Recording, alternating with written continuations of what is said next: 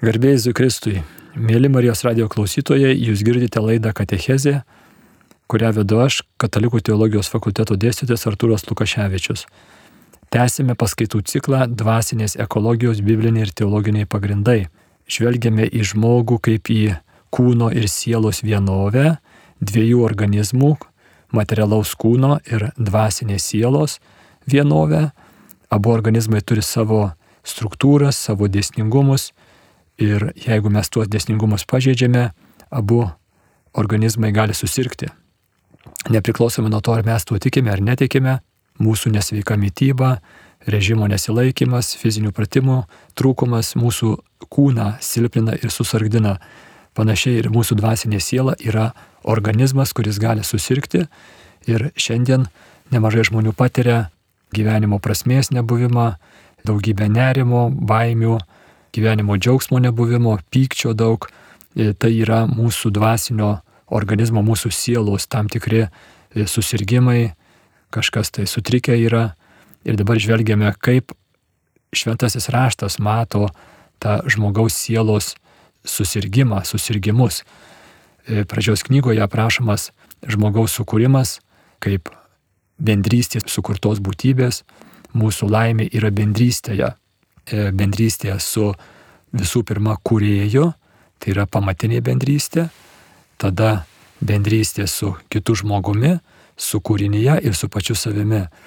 Ir Dievas sukuria žmogų darnioje bendrystėje, tą darnę bendrystę katekizmas vadina pirmą pradžių teisumu. Dabar žvelgime, kaip sutriko mūsų bendrystė su Dievu ir tai susargdino visas kitas mūsų bendrystės ir bendrai visą žmogų. Pradžios knygos trečiasis skyrius tą įvykį lemtingą aprašo kaip pokalbį tarp moters ir žalčio. Moteris įsivelia į pokalbį. Žaltys užduoda pirmą klausimą, kuris yra lengvai atsakomas, ir moteris įsivelia į pokalbį, labai pavojinga, tas pokalbis pasirodo yra spastai, jinai tos pasus patenka.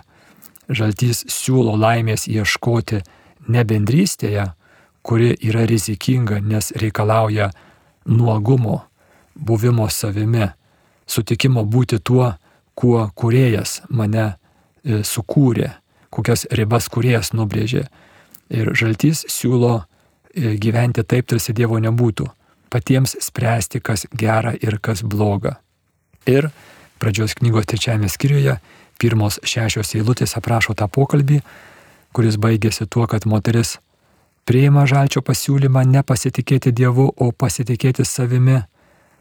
Kreipiu jūsų dėmesį į tai, kad žaltys kviečia mus pasitikėti ne juo, o savimi, žinodamas, kad tada jisai mus pagaus į savo spastus, tada jis mus turės savo valioje. Ir moteris valgo vaisių nuo medžio, simbolinis veiksmas, kokį jisai veiksmą simbolizuoja, mes nežinome, tačiau žinome, kad tai buvo veiksmas, kuris išreiškė vidinę nepasitikėjimo Dievo laikyseną, kuri išsireiškė išoriniu neklusnumu Dievo valiai. Skynėsi jo vaisių ir davė savo vyrui buvusiam su ją ir jis valgė. Tuomet abiejų akys atsivėrė ir jėdu suprato esą nuogi. Kartai žmonės klausia, e, kas čia per akių atsivėrimas, gal visai gerai, kad jų akis atsivėrė, jie e, susisiuvo figmedžio lapus, pasidarė jos mens aprišalus, pirmieji drabužiai jau nebus nuogi. Tai gal ir gerai, čia toks kultūros elementas atsiranda, nes gal neišėsnėtas, kai jie kaip maži vaikai palangoj prie jūros nuogi savo laksto, problemų nemato. E, čia visai kas kita yra. Jie praranda ne tą fizinį nuogumą, kuris, kuris šiuo atveju yra mažai reikšmingas, bet jie praranda tą metafizinį nuogumą, tai yra džiaugsmingą prieimimą savęs tokių, kokie jie yra. Ir kai jie prieima save tokius, jie gali savimi drąsiai, noriai e, dalintis su kitu. Tai reiškia užmėgsti bendrystę. Ir dabar jie šitą gebėjimą praranda, nes jų akis atsiveria naujam gyvenimo būdui, gyvenimui tarsi Dievo nebūtų. Ir toks gyvenimas juos baugina ir jie slepiasi. Pirmieji drabužiai yra pirmosios sienos, prasideda žmonių slėpimosi vienas nuo kito era, kuri tęsiasi ir dabar. Tai yra žmogus nepatenkintas tuo, kas jis yra, o kas jisai yra. Jisai yra Dievo kūrinys.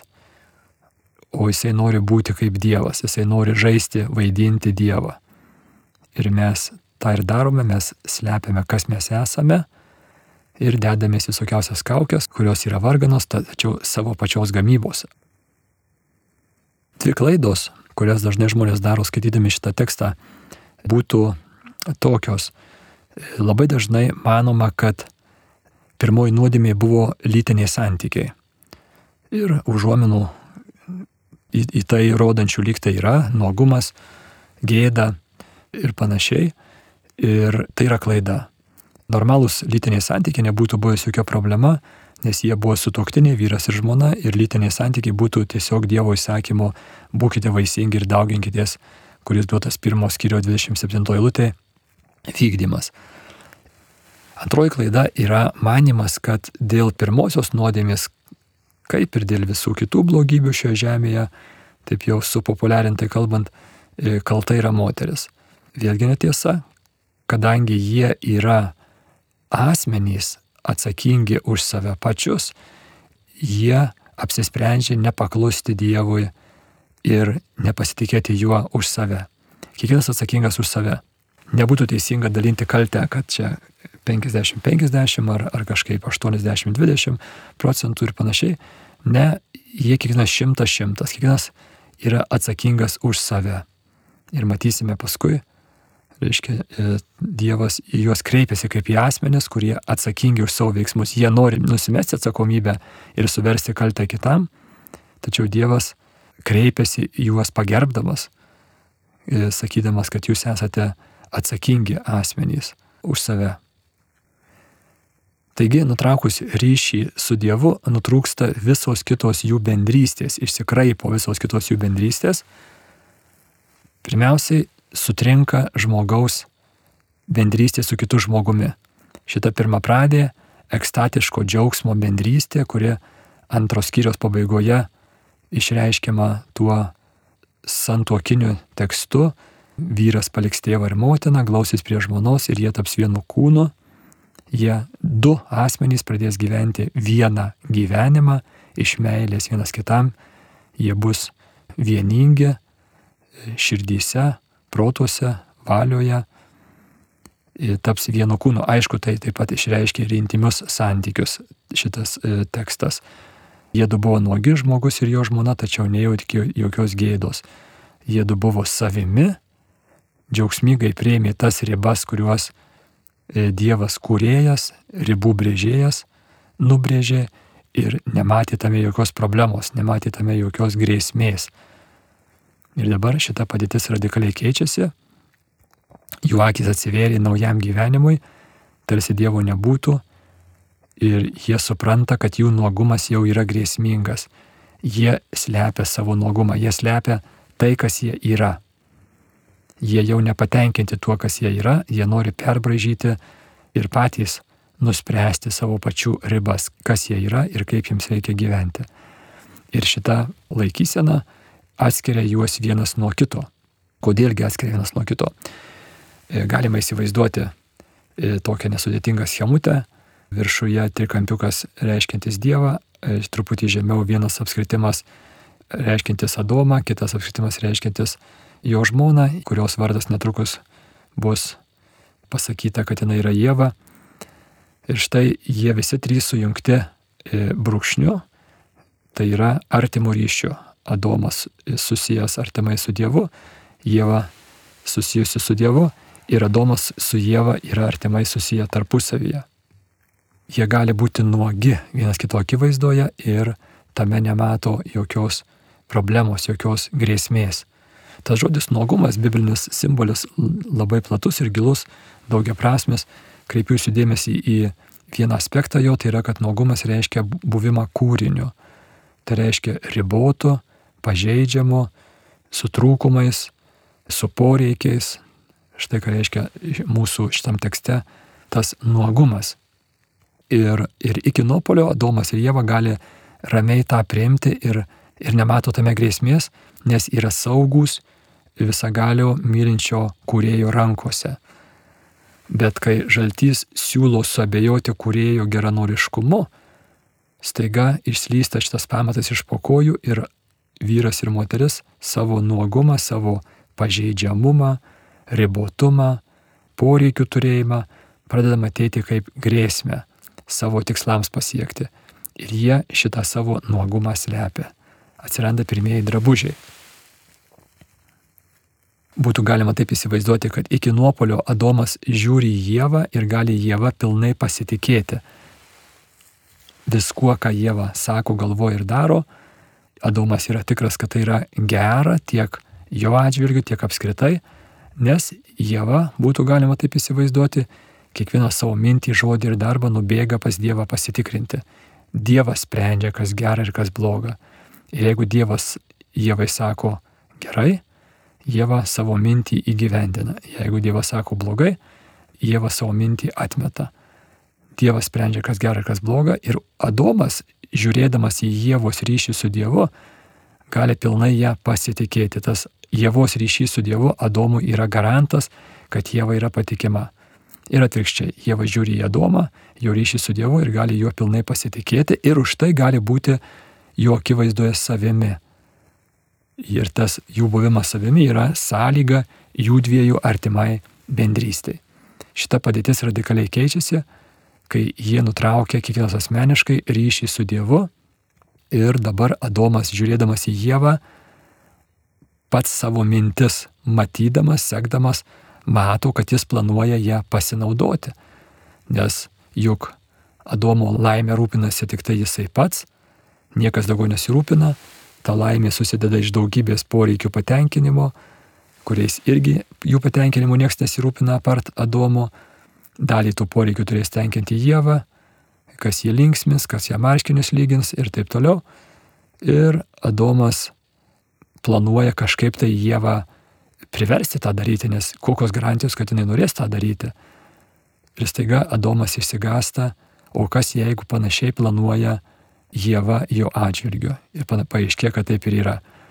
Jėva žiūri Adomą, mato, kad jisai asmuo, asmenį naudotis negalima, asmuo yra vertingas ne už tai, ką jis man duoda, bet už tai, kas jis yra.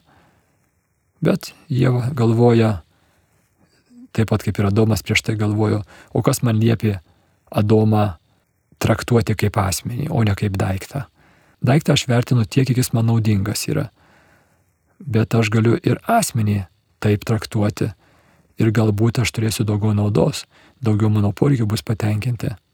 Masto Jėva, tiesa reikia nepamiršti, kad Adomas yra stipresnis fiziškai, bet Jėva galvoja nieko tokio, aš turiu savo stipriųjų pusių ir mes dar pažiūrėsime, kas ką. Ir štai šitie du žmonės, kurie iki tol galėjo būti artimoj, meilės bendrystėje, neslėpti savo pažeidžiamumo, savo ribotumo, staiga įsigasta ir atšoka vienas nuo kito, nes pamato, kad žiūrėdami į save pačius, mato, kad kitas yra ko gero man pavojingas. Paaiškė taip ir yra. Ir jų dviejų darni pirmą pradė bendrystė nutrūksta, jie slepiasi slepiasi nuo kito, kad kitas manęs nepanaudotų, nesužeistų, nemanipuliuotų ir žmogus statosi nuo kito žmogaus sienas. Tos sienos apsaugo, bet tragedija tame, kad jos taip pat ir atskiria. Ir štai žmogus, kuris trokšta artimos bendrystės, jisai vienu judesiu save nuo kito žmogaus manipuliavimų apsaugo, bet tuo pačiu judesiu ir atsiskiria nuo kito žmogaus už apsauginių sienų, kaukių, maskaradų ir panašiai. Tokiu būdu žmogus pats savo rankomis nutraukia tą bendrystę ir papuola į savo egocentriškumo vienatvę. Dabar jeigu pažiūrėsime į kitas bendrystės, pamatysime, kad nutrūksta taip pat žmogaus santykis su kūrinyje. Iki nuopolio žmogus yra kūrinijos šeimininkas ne savininkas, bet greičiau nuomininkas. Jisai prižiūrėtojas. Kūrinyje jam patikėta, kad jis ją teisingai naudotųsi, vartotų, žodis vartoti, vartotojas, vartotojiškas, savo autentiška prasme nėra blogas žodis. Mes esam vartotojai, mes tokie sukurti, kad mes vartotume maistą, vartotume vandenį, orą ir taip toliau. Bet problema yra ta, kad mes, kad tas vartojimas ištrūksta iš kuriejų nubriežtų ribų. Tuoj pamatysime kaip. Ir tampa, tampa savitiksliu, tampa destruktyviu pačiam žmogui ir ypač aplinkai. Taigi žmogus yra sukurtas, kad jisai kūrinėje teisingai naudotųsi ir ją tobulintų, ją toliau vestų pagal kurio planą. Antros kirios 15 eilutė sako, Dievas apgyvendino žmogų sode, kad jis sodą dirbtų. Tai mes esam pakviesti būti kartu su Dievu, kad būtume kūrinijos tobulintojai, kartu su Dievu bendra kūrėjai, bet nuo Dievo atsiskyrę žmogus pradeda kūrinyje niokoti arba garbinti. Du neteisingi kraštutinumai yra kūrinijos niokojimas, visos ekologinės problemos iš to kyla, ką mes matome ir dabar, arba kūrinėje yra garbinama. Religijų istorijoje tas dažnai pasitaikydavo. Kodėlgi mes kūrinę niokojame? Aštuntoje eilutė trečios skyriaus. Išgirdę viešpati Dievą vaikščiojantį sode, sodas kūrinyje, pavakario vėjeliui dvelkiant, žmogus ir jo žmona pasislėpė nuo viešpaties Dievo veido tarp sodo medžių. Sodo medžiai kūrinios gerybės. Nuo Dievo atsiskyręs žmogus bijo Dievo.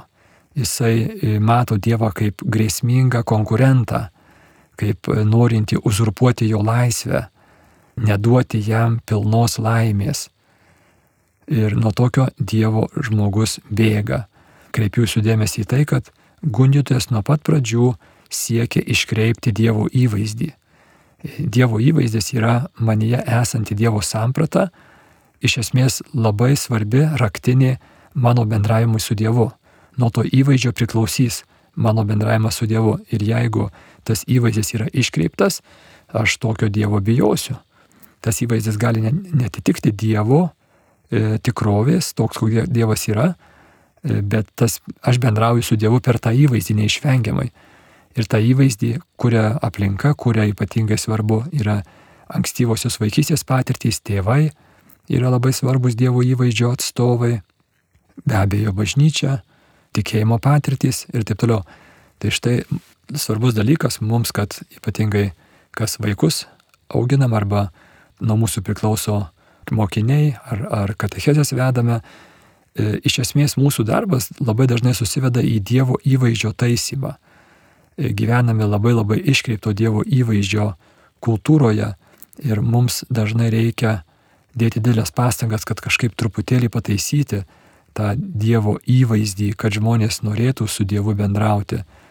Šiandien Lietuvoje ypač paplitusi baudžiančio Dievo, Dievo policininko, kuris skaičiuoja nusižengimus, įvaizdis. Ir tą įvaizdį pataisyti nėra lengva, čia yra rimta užduotis, ypatingai tų, kurie kažkaip tai susiję esame su krikščioniškuoju švietimu, kunigai, katechetai ypač. E, tai tas Dievo įvaizdžio taisymas yra labai svarbi sielovadinė užduotis. Taigi žmogus ir jo žmona, vyras ir motelis e, slepiasi nuo Dievo, kurį jie supranta kaip e, despotišką uzurpatorių, norintį pagrobti jų laisvę ir neduoti laimės. Ir jie slepiasi tarp kūrinijos gerybių, tarp sodo medžių. Žmogus bando tą Dievo neturėjimo, Dievo nebuvimo skausmą, tą bedėvystės skausmą kažkaip tai užslopinti ir dažniausiai griebia tai, kas jam po ranka pasitaiko, tai yra kūrinyje. Ir mes kišame į save, į savo alkanas širdis, kūrinijos gerybės, tikėdamėsi, kad jos užslopins tą bedėvystės skausmą. Ir daiktai, pinigai, malonumai, Pažiūrėkime, pavyzdžiui, kaip mobilūs telefonai dažnai yra keičiami ne dėl to, kad e, senasis blogai veiktų ar kažkaip tai ne, nebūtų galima su juo naudotis, nebūtų galima juo naudotis, bet labai dažnai mobilūs telefonai keičiami dėl to, kad atsirado naujas modelis. Kitaip sakant, neturėti naujausio modelio yra savivertės e, nuostolis. Aš esu mažiau vertingas. Mano savęs įvaizdis labai priklauso nuo naujausio telefono e, modelio ir, ir pagalvokime, kokią kokį krūvį tai užmeta gamtai. Iškia, iš gamtos resursų yra iškia, imama tam, kad būtų, kad pramonė gamintų vis naujesnius, naujus modelius ir aš juos pirksiu tam, kad užslopinčiau savo, savo širdies al alkanumą. Bet šituo keliu einant joks e, niekas neužslopins, nes ne tas kelias yra. Ir mano, mano gūdi širdis, alkana širdis reikalaus vis daugiau, vis dažniau to indėlio, tos dozės ir vis trumpiau bus patenkinta ir nurimusi. Tai štai yra ta tragedija, gamtos ekologijinė tragedija, kai žmogaus alkana širdis reikalauja iš gamtos tai, ko jinai negali duoti. Sodas ir jo medžiai negali to duoti. Tik vienas Dievas kuriejas gali patenkinti žmogaus alkaną širdį. Ir šitą patį matome mūsų aplinkoje, užtenka išeiti į bet kurio miesto gatvę, mes matome įvairias reklamas, kurios iš esmės apeliuoja į mano širdies alkanumą, siūlydamos duoti ne ką kitą laimę e, per kažkokį tai produktą. E, pažiūrėkite, e, reklamuose beveik visada mes matome tiesiogiai pateiktą laimę. Tai gali būti žmogaus E, siluetas ar žmogaus veidas, žmogaus ranka, rankos, veido fragmentas ir taip toliau, kuris spinduliuoja laimę, gyvenimo pilnatvę. Ir čia pat yra, yra ta, tas produktas, kuris tą gyvenimo pilnatvę be abejo ir duoda. Tai gali būti automobilių padangos ar grindų dažai, ar kažkokia tai kita technika, ar ne, visiškai nesvarbu kas, atostogos gali būti mums visą laiką siūloma laimė. Tai yra mums visą laiką siūloma tą gyvenimo pilnatvės klausimą įspręsti e, sodo medžių gerybių e, sąskaitą. Dabar žvelgime, kas atsitinka ir žmogaus ryšiui, teisingam žmogaus ryšiui su pačiu savimi. E, čia būtų teisingas savęs įvaizdis.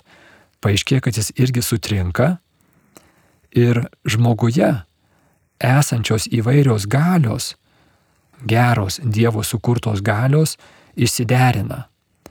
Žmogus e, savo žvilgsnį, savo širdį nukreipia į kūrinijos gerybės, kurios yra geros maistas, žavios akims ir žada duoti išminties, kaip sako šeštoji e, trečios skyrius eilutė. Geras maistui medis, žavus akims ir tas medis žada duoti išminties. E, štai kuo susižavė žmogus ir parduoda savo e, teisę į bendrystę, į meilės bendrystę. Štai ką iškeičia meilę žmogus. Medis geras maistui, žavus akims ir žada duoti išminties. E, biblinė ir krikščioniškoji tradicija ilgai gilinosi, iš esmės šimtus metų gilinosi į šitą klausimą, į ką žmogus iškeitė tą pirmgimystės teisę, tą, tą, tą bendrystės teisę. E, apaštalas Jonas savo pirmajame laiške, apžvelgdamas puolusių žmonijos būklę, sako, e, mūsų širdys yra nukreiptos į tris geismus - į kūno geismą, akių geismą ir gyvenimo puikybę. E, štai kas įsiviešpatauja puolusiame žmoguje. Vėlgi tas žodis puolės, kaip jau turbūt esu sakęs, e, nereiškia seksualinės netvarkos. Tai reiškia bendrą atsiskyrimą nuo Dievo. Dažnai žmonės taip priekaištauja. Sako, tas žodis puolės vyras, puolusi moteris kažkaip reiškia savyje neša tokį, nu, seksualinį netvarkingumo e, prasme, reiškia seksualiai, reiškia pasileidęs vyras ar, ar, ar netvarkinga moteris. E, tai biblinė kalba žodis puolės yra kur kas plačiau. Be abejo, seksualinis netvarkingumas irgi patenka į šitą kategoriją, bet jisai, bet, bet būti puolusiu, tai reiškia būti nusigręžusiu nuo dievų. Mes visi esame puolę. Per gimtąją nuodėmę mes visi esame nusigręžę nuo dievų. Gimstame jau nusigręžę nuo dievų. Ir tas mūsų nusigrėžimas nuo Dievo įsireiškia didžiulę vidinę netvarką, E, kurią paštalas Jonas apibūdina kaip trilypį geismą, kūno geismas, akių geismas ir gyvenimo puikybė. Paaiškė, kad manyje esančios įvairios galios išsiderina, nustoja klausyti proto ir valios ir visos reikalauja patenkinimo ir dėmesio, grasindamos, kad jeigu nebus patenkintos, aš būsiu nelaimingas. Ir štai tos trys didžiulės grupės - kūno geismas yra malonumai, malonumų troškimas, įvairių malonumų troškimas. Aišku, gyvename labai seksualizuotoje visuomenėje, bet šiuo atveju tai apima daugiau negu tik tai e, seksualinius e, malonumus, e, apima visus malonumus. Akių geismas yra, yra gaudumas turtui ir valdžiai ir gyvenimo puikybė yra gaudumas nežabotam savęs išaukštinimui. Tai štai Jonas sako, štai mumise esanti, esančiais geri troškimai, geros galios išsiderina ir susigrupuoja į tokius tris didžiulius e, geismus.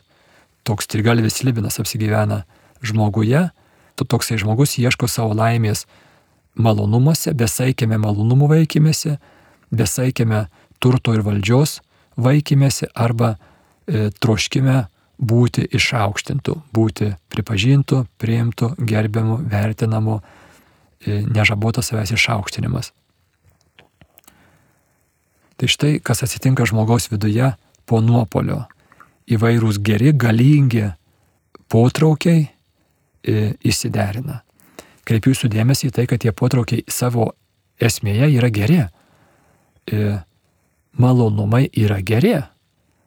Dievas mus sukūrė kaip e, jūslės turinčias būtybės, maistas yra skanus, e, gamta yra graži, lytiniai santykiai yra malonūs, Ir tai yra gerai, tai yra Dievo norėta ir sukurta. Taip mes esame sukurti, sukonstruoti. Problema yra kame? Tame, kad puolė žmogus bando šitais gerais, tačiau ribotai gerais dalykais užpildyti beribį troškimą. Žmogus bando ribotų e, kažkuo tai užpildyti beribę e, skylę. E, pavyzdžiui, pagalvokime, maistas. Ne, tikrai geras dalykas, mes valgome, turim valgyti, kitaip sirksime, mirsime. E, bet jeigu aš maisto vartočiau 20 kartų daugiau negu man reikia, aš, jisai man tampa destruktyvus tas maistas. Aš susirksiu, mano skrandis skirtas yra tik tai dviem cepelinams, o ne 20 cepelinų. Ir jeigu aš peržengsiu ribas, kurias ne aš pats nubrėžiau, o kūrėjas, sukurdamas tokio dydžio skrandį, nubrėžė tokias ribas, e, aš pats savo pakenksiu.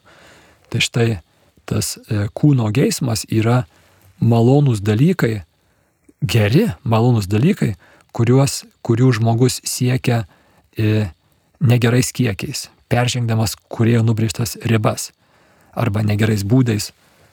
Geri dalykai, kuriuos žmogus siekia ne taip, kaip kuriejas pramatė akių geismas yra gaudumas valdžiai ir turtui. Ir valdžia ir turtas yra geri dalykai. Dievas mus sukūrė kaip turinčius didžiulę valdžią visai žemėje, kaip labai turtingus, visa žemė mums priklauso. Mes esame didžiulę valdžią turintys ir labai turtingi. Kadagi šitie geri dalykai man tampa destruktyvūs? Kai aš jų siekiu taip, tarsi jie galėtų padaryti mane laimingą tarsi nuo jų priklausytų mano laimė, turtas ir valdžia. Ir visi nesunkiai įsivaizduojame, esame matę filmų, skaitę knygų, gal net savo aplinkoje turim žmonių, kurie besaikiškai kaupia turtą, e, daug daugiau negu jiems reikėtų, arba besaikiškai siekia valdžios. Ir čia yra tas kompulsyvus, iš vidaus, reiškia, tokia vidinė prievarta, kur žmogus žmogus kažkaip tai užsiciklinęs, jam atrodo, kad tame yra jo laimė - turte ar valdžioje. Taigi geri dalykai, kai žmogus jų siekia peržengdamas kurėjo nubrėžtas ribas, tampa destruktyvūs, tampa greunantis žmogaus laimę.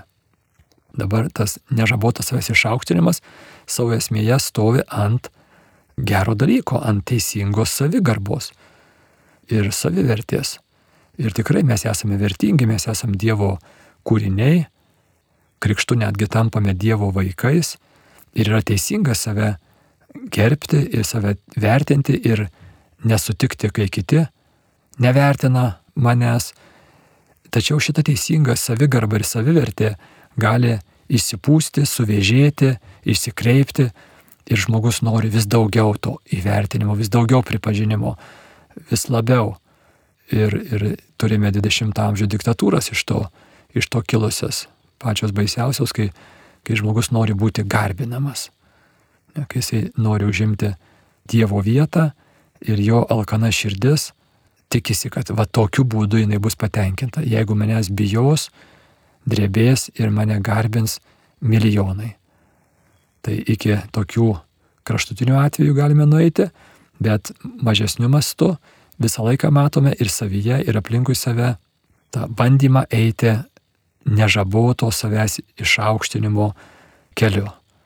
Gali nueiti iki įvairiausių didybės manijų ir, ir kitų jau psichinių sutrikimų, bet tai yra būdinga labai daugeliu iš mūsų tas, tas noras, noras būti pripažintų. Ne? Nuo, nuo tokių ir smulkmenų, kaip, kaip žiūrėkime, visi galim tą patirti kartais, kur padaręs kokį nors gerą paslaugą, darbelį, kokį, kokį nors ir taip savo viduje atsidusėjame, nepadėkoju. Ne, tai čia tokia smulkmena, bet tai yra pradmenys to, kas jeigu nebus užkirtas kelias, tai tai eis iki, iki labai, gali eiti labai toli. Tai štai šitas trilypis geismas įsiviešpatauja puolusiame žmoguje, sutrikdo jo vidinės galės ir žmogus vietoj to, kad funkcionuotų, gyventų kaip orkestras, darnus orkestras, kuriame yra dirigentas, visi orkestro nariai klauso dirigento, yra žinoma muzika, kurią, kurią groja tas orkestras. Staiga įsiderina ir mes girdime tą kakafoniją, kur, kur protas sako vieną, valia sako kitą, jausmai trečią, visi reikia savo balsais, instinktai, ten intuicija, vaizduoti. Ir, ir tas žmogus, reiškia, tokiam chaose plėšomas yra ir jisai puola tai, tai vienų troškimų tenkinti, tai kitų troškimų ir niekaip tos darnos vidinės neranda. Tai čia yra puolusio žmogaus situacija, sutrikus jo vidinėms galioms, įsiviešpatavus tam trilypiam geismui manyje. Noriu kreipti jūsų dėmesį į tai, kad šitie trys geismai labai aiškiai rodo tam tikras ribas, kurias mes peržengėme mes peržengėme kuriejų nubrėžtas ribas, mes esame apriboti. Kuriejas nubrėžė mūsų ribas ir tomis ribomis mus apribojo. Mano skrandis yra apribotas va štai tokiu dydžiu, kuris talpina du cepelinus. Lytiniai santykiai yra apriboti tarp vyro ir žmonos santuokoje. Turto ir valdžios apribojimai yra štai tokie. Turtas yra tiek, kiek man iš tikrųjų reikia, valdžia yra tiek, kiek aš e, valdau tarnaudamas toj situacijoje, toj, tose pareigose, kurias turiu. Bet žmogus yra nuolat e, gundomas ir kviečiamas pats spręsti, kas gera ir kas bloga. Tai yra pats spręsti, kas mane padarys laimingą. Ir mano sugedusi širdis mane apgauna ir, ir sako, tau reikia daugiau turto, daugiau valdžios, daugiau pripažinimo, daugiau malonumų. Jeigu tu turėsi šito daugiau, tu būsi laimingas. Šitą gyvenimo pilnatvės neturėjimo jausmą aš esu nuolat gundomas užpildyti iškreiptų kiekių e, malonumų, turto valdžios ir pripažinimo. Galima tokį žodžių žaismą pasidaryti, toks e, kalambūras, pripažinimas, valdžia ir malonumai. PVM, PVM. Iškia štai, kame puolė žmogus tikisi rasti laimę pripažinime, valdžioje ir malonumuose PVM. Vienas turtingiausių pasaulio žmonių, toks e, Warren Buffett, e, paklaustas, e, kiek turto yra gana, kiek pinigų yra gana. Jo turtas tikriausiai kokie 300 milijardų yra šiandien e, dienai, vienas iš dešimties turtingiausių pasaulio žmonių. E, taigi paklaustas, e, kiek pinigų yra gana, jisai atsakė truputį daugiau.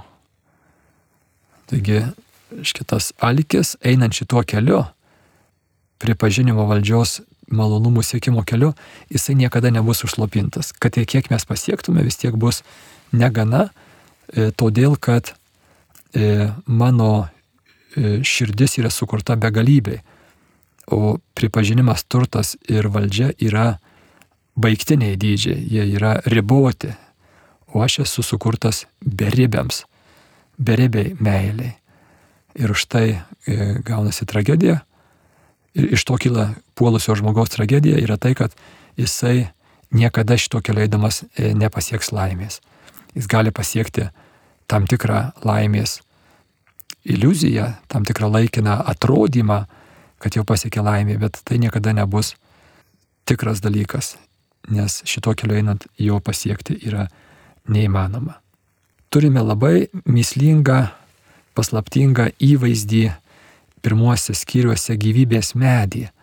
Dievas pasodino gyvybės medį sode, šalia gėrio ir blogio pažinimo medžio. Ir tada, kai žmogus nusideda, jis praranda kelią prie gyvybės medžio.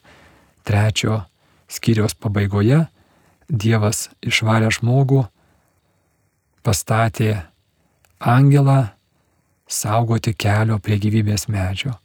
Kas tas gyvybės medis? Vėlgi labai ir gilus ir turtingas simbolis. Tai yra bendra žmonijos patirtis. Tai, kad mes neturime e, gyvenimo pilnatvės. Mes, mes kažko tai stokojame. Žmogus žvelgia į save ir jisai nuolat mato, kad kažko jam trūksta. Ir, ir, ir tas gyvenimo apstos troškulys visiems žmonėms visais laikais yra būdingas ryškiai tai matome šventame rašte. Kitos kultūros, kitos religijos taip pat tą turi labai aiškiai. Pasakos apie gyvybės medį, apie aukso obelį, kuri veda vaisius duodančios jaunystę ir laimę, yra iš esmės visose kultūrose, visose tautose ir visose religijose. Ir va šitam kontekste paklausykime, kaip nuskamba Jėzaus žodžiai E, dešimtajame Jono Evangelijos skyriuje, kur jisai sako, aš atėjau, kad žmonės turėtų gyvenimą, kad apščiai jo turėtų.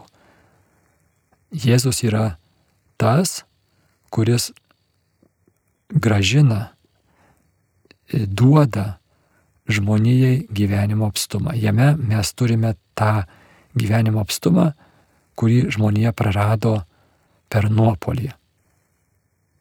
Girdėjote laidą Katechezė, ją vedžiau aš, vadovau Katalikų teologijos fakulteto dėstytojas Artūras Lukaševičius. Likite sveiki.